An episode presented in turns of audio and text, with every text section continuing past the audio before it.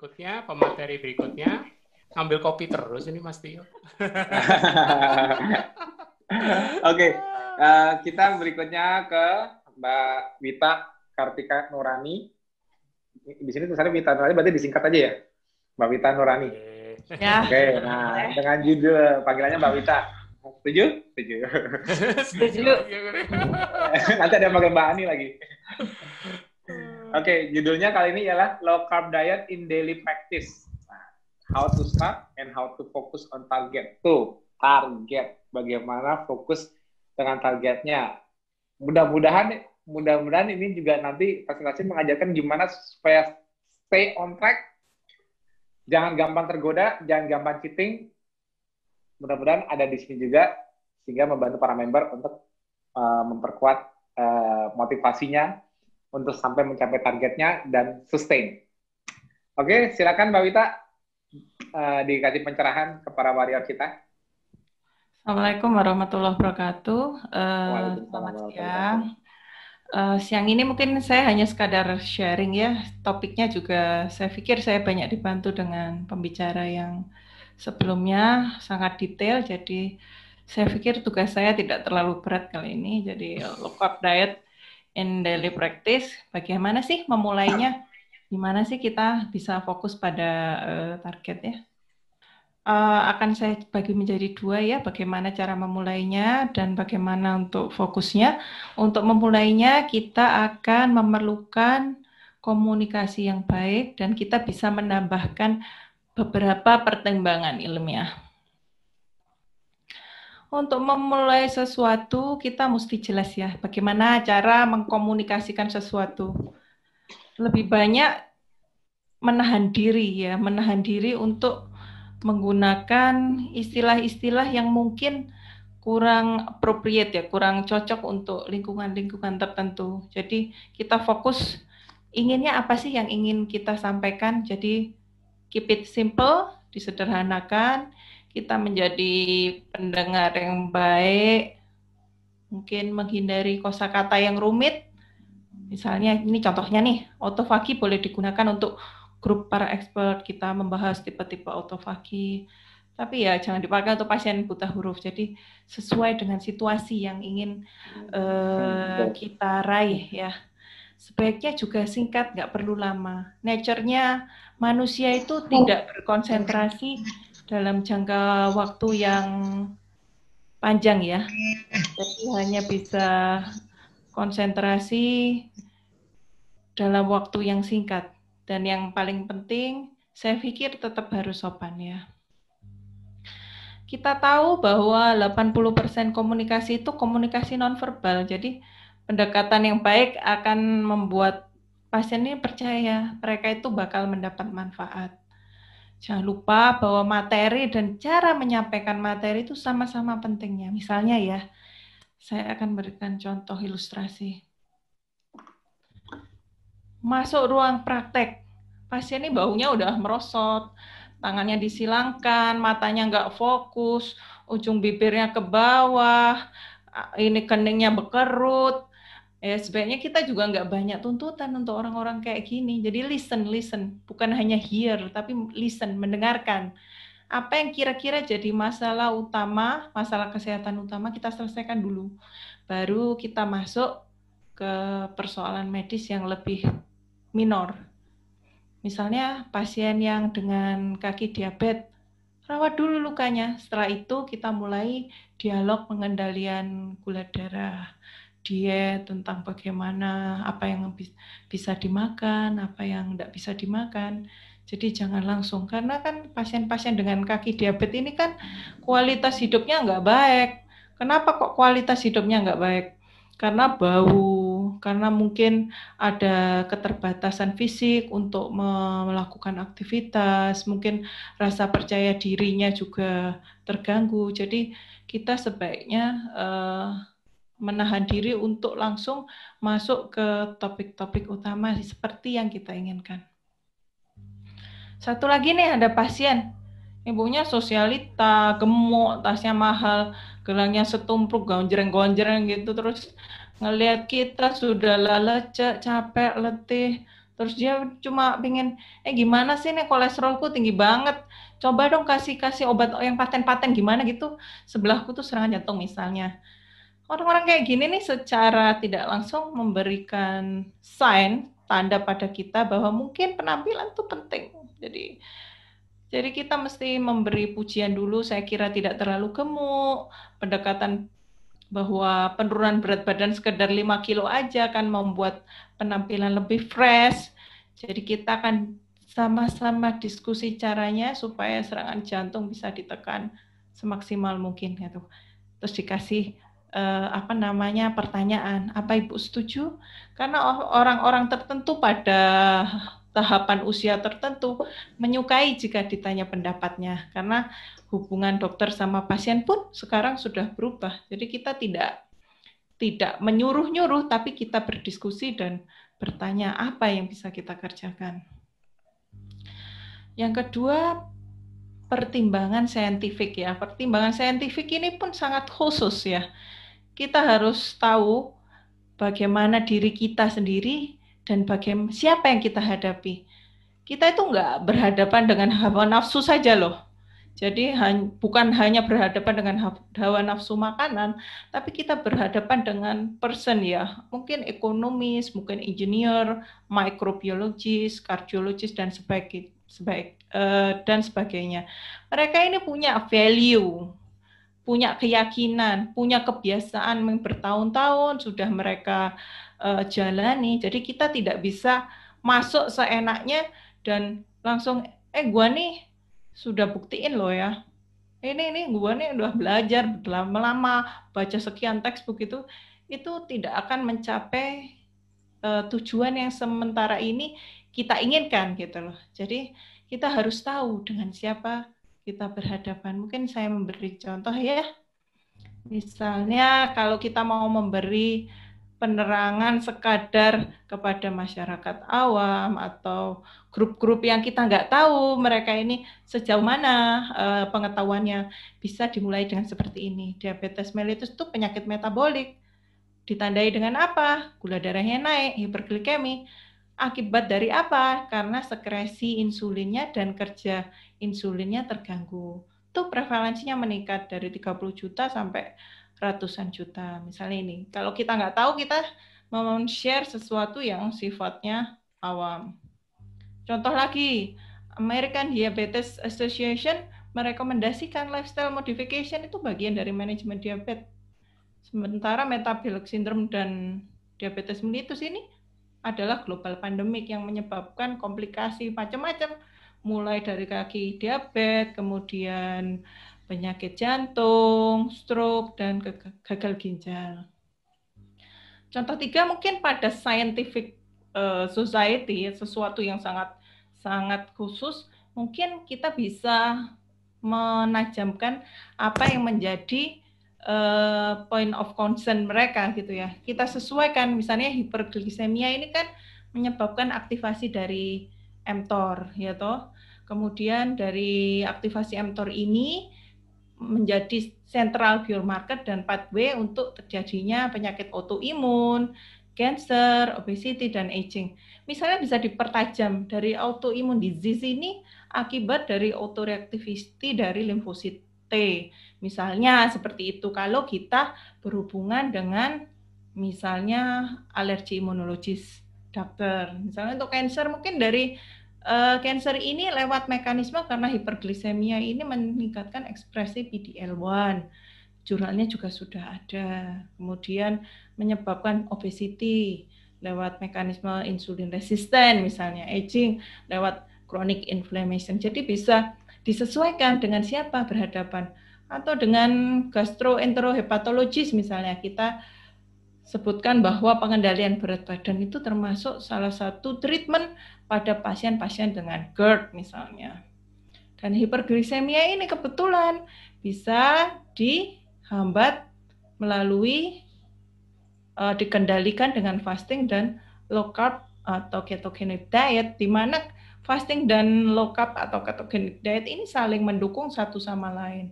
Pasien-pasien yang awalnya menjalani ketogenic diet sangat mudah untuk menjalani fasting.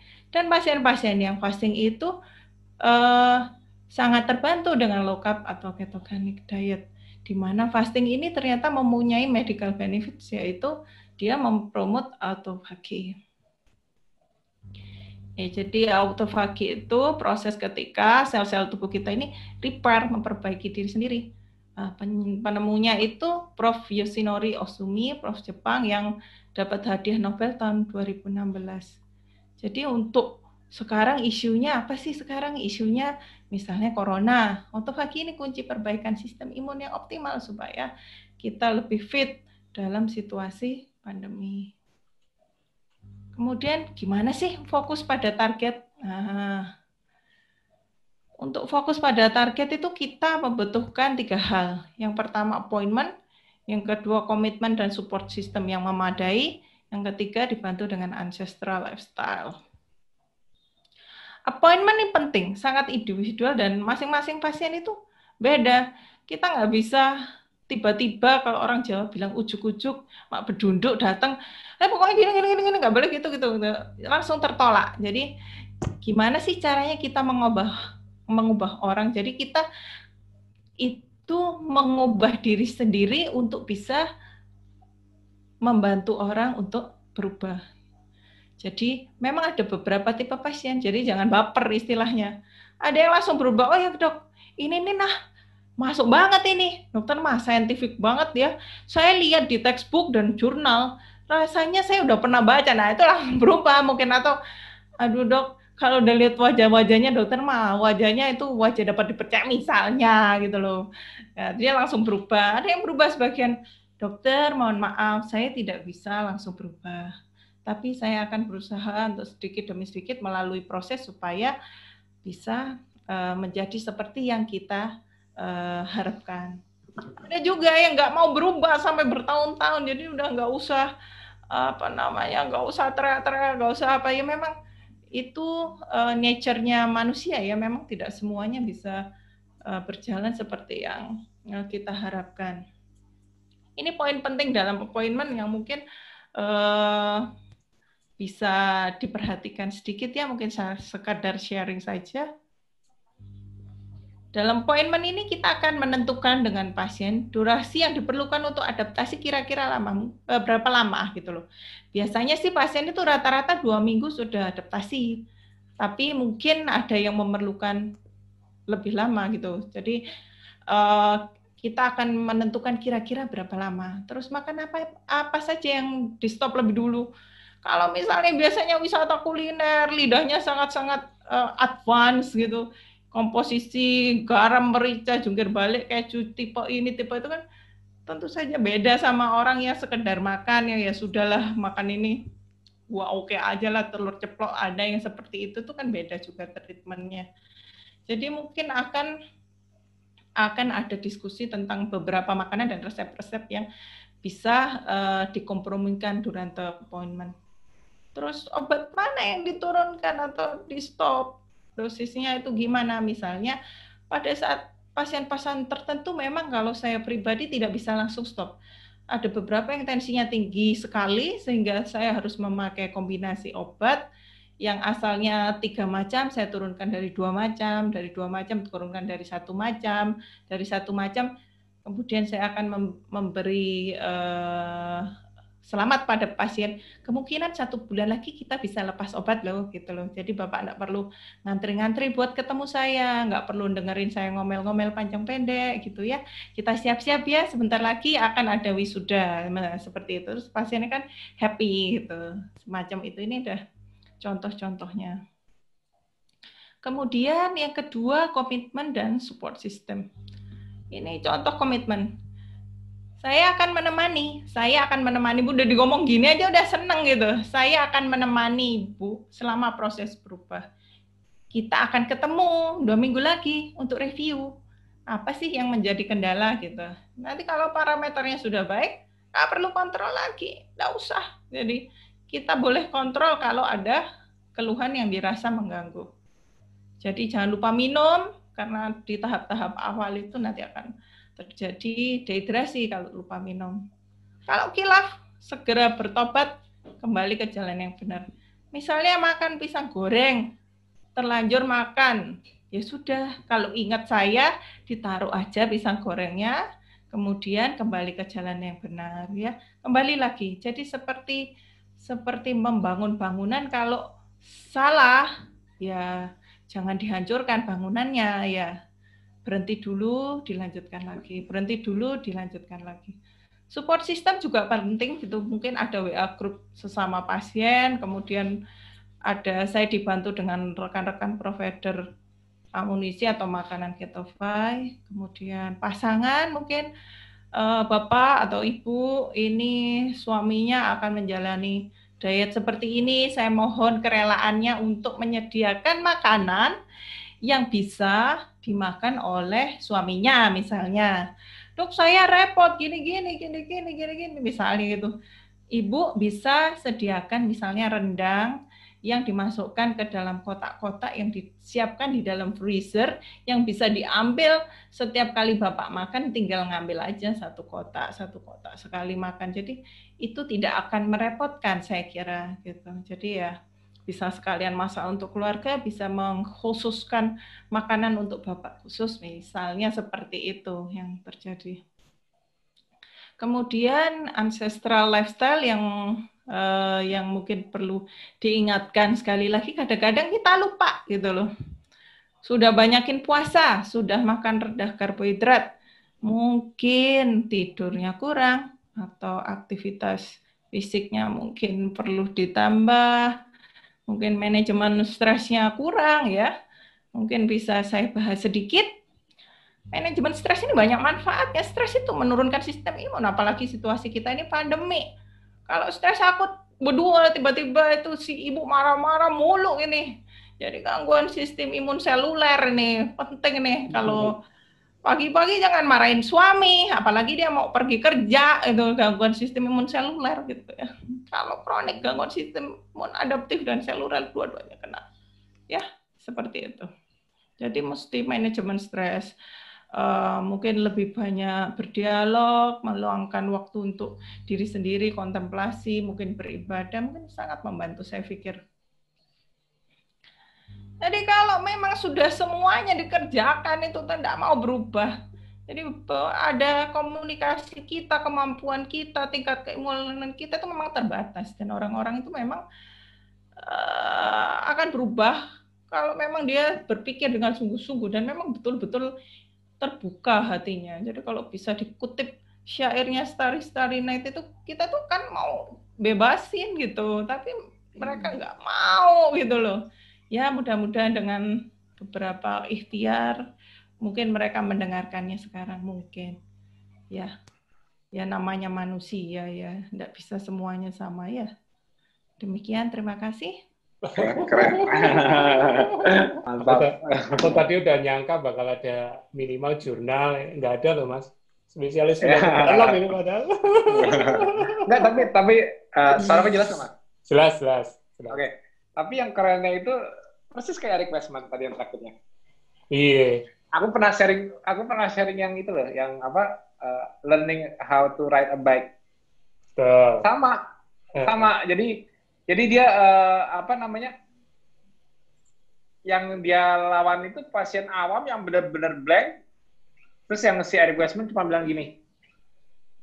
Eric Westman bilang gini, pasiennya datang lagi kan namanya dokter kan dia kadang-kadang kan ketemunya kan nggak setiap saat nggak dan juga kan mungkin nggak japri yang setiap saat seperti kayak mentor-mentor kita misalnya.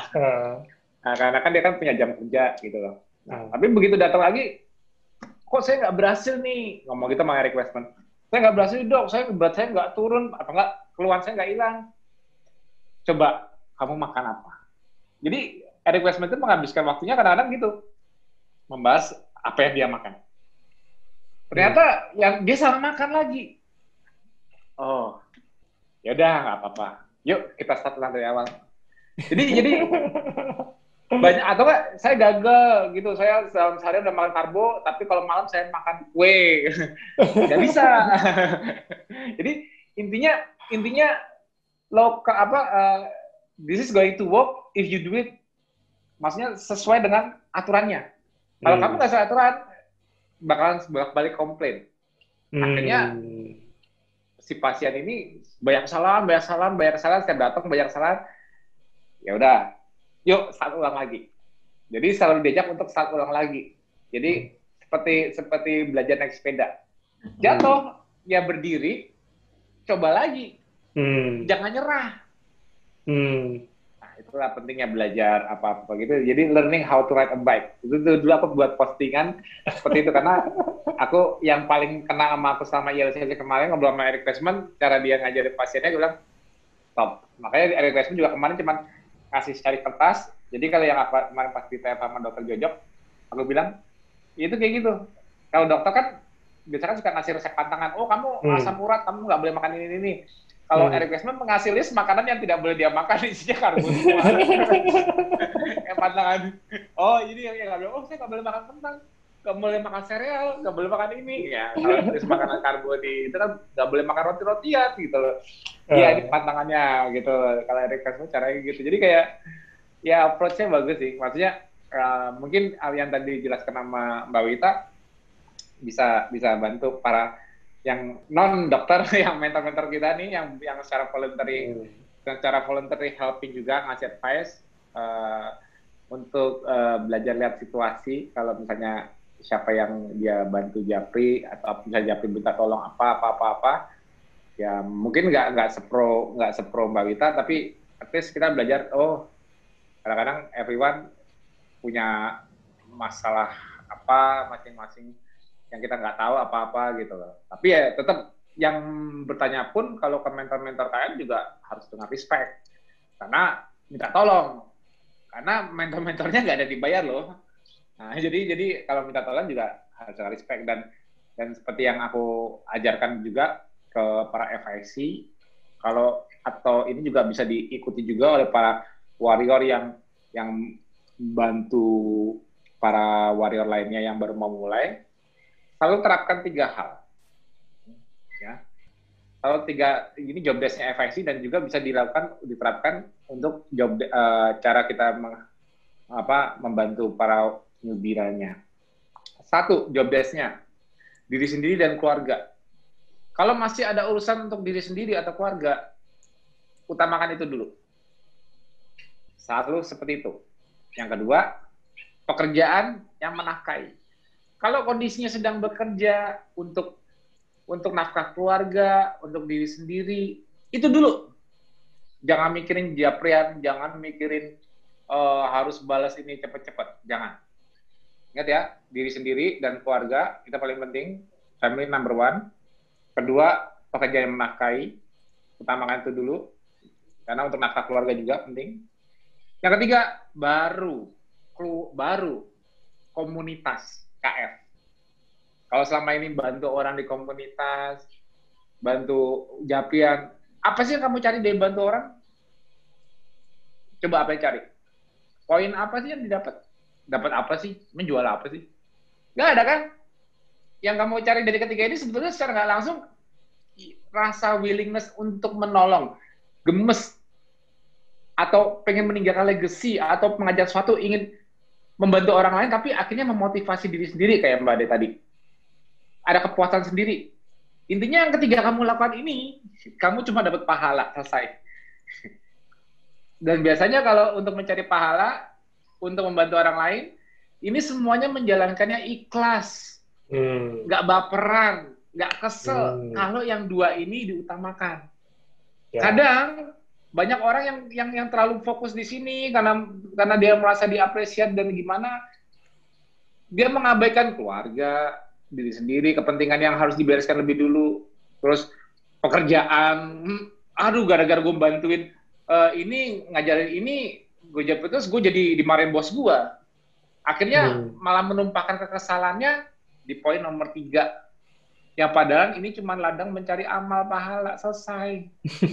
Nah, jadi jadi kalau kalau mau awet, ya kalau aku bilang gini, aku tuh bilang sama FIC ku, kalau mau awet jadi FIC, nggak bawaannya nggak stres, jangan pernah lepas dari tiga ini. Ya. Pasti kalau ini ini ini dua udah beres, yang ininya menjalankannya dalam kondisi ikhlas, santai, enteng. Hmm. Kecuali aku ya makanya aku nggak kerja. Kalau aku kalau aku kalau aku sibuk kurusin yang lain selesai deh itu jam gak ada balesin. Makanya insya Allah kalau di KM ini kalau aku pribadi all out. All out itu artinya aku memang memang memang memang nggak ada mikirin lain hal. Mungkin kalau orang lihatnya aku masih kayak orang nggak pernah kerja sih gini-gini. Ya memang kalau aku kalau aku nggak bisa kerja aku nggak bisa customer lagi nggak bisa kenalan lagi. Kalau aku kayak gitu aku nggak bakal bisa fokus. Karena karena terlalu banyak. Jadi aku memang memang memang memang sengaja kalau aku pribadi jadi jangan samakan aku dengan FIC mereka itu FIC ataupun mentor-mentor lain atau senior yang bantuin orang-orang itu dia ialah mereka orang yang punya keluarga punya pekerjaan bahkan mencari rezeki di tempat lain. Dan itu mereka dan masih, siapa masih mau jelasin ya, dan masih mau bantuin jelasin dukung wah harusnya tuh orang kalau yang yang minta tolong sama mereka itu harusnya mereka sangat respect sama orang-orang ini yang berjasa yang mereka mau meluangkan waktu gitu. Jadi jangan mereka yang bantuin malah dikasih pressure. Itu ya kadang-kadang nah, yang yang bantuin ini orang-orang kita yang bantuin misalnya senior kita maupun FPT kita jangan dipressure karena dia menolong secara voluntary. Itu itu hmm. itu kunci paling penting. Ini, ini ini sisi dari member yang baru mau belajar apa-apa show respect. Show respect hmm. untuk minta diajarin. Dan yang ngajarin yang udah punya pengalaman show compassion sabaran. Hmm. compassion ini mudah muncul kalau dua yang tadi beres. Hmm. biasanya masalah dua ini kalau nggak beres malah fokus di ketiga ini job desk kedua ini banget compassion kita terganggu. Kita kadang-kadang bawaannya cepet kesel sama apa apa gitu. Gitu. Tapi itu, kalau itu tips dari aku ya mudah-mudahan bermanfaat uh, untuk bantu para senior yang mau mencari pahala dengan cara hmm. menolong orang lain atau membantu orang hmm. lain bantu bimbing mudah-mudahan uh, trik-trik seperti itu termasuk dari yang Mbak Wita tadi kasih juga bagus tuh itu trik sebagai dokter cara dia handle pasien apa-apa. Yes. Kalau itu kan lebih dalam lagi kalau yang Mbak Wita ceritakan kan maksudnya dia lebih bisa menganalisa dan sebagainya. Itu mungkin hmm, hmm, ya, semua warrior kita bisa langsung seperti Mbak Wita. Tapi kalau bisa sampai seperti itu mah banget. Oke, okay. thank you.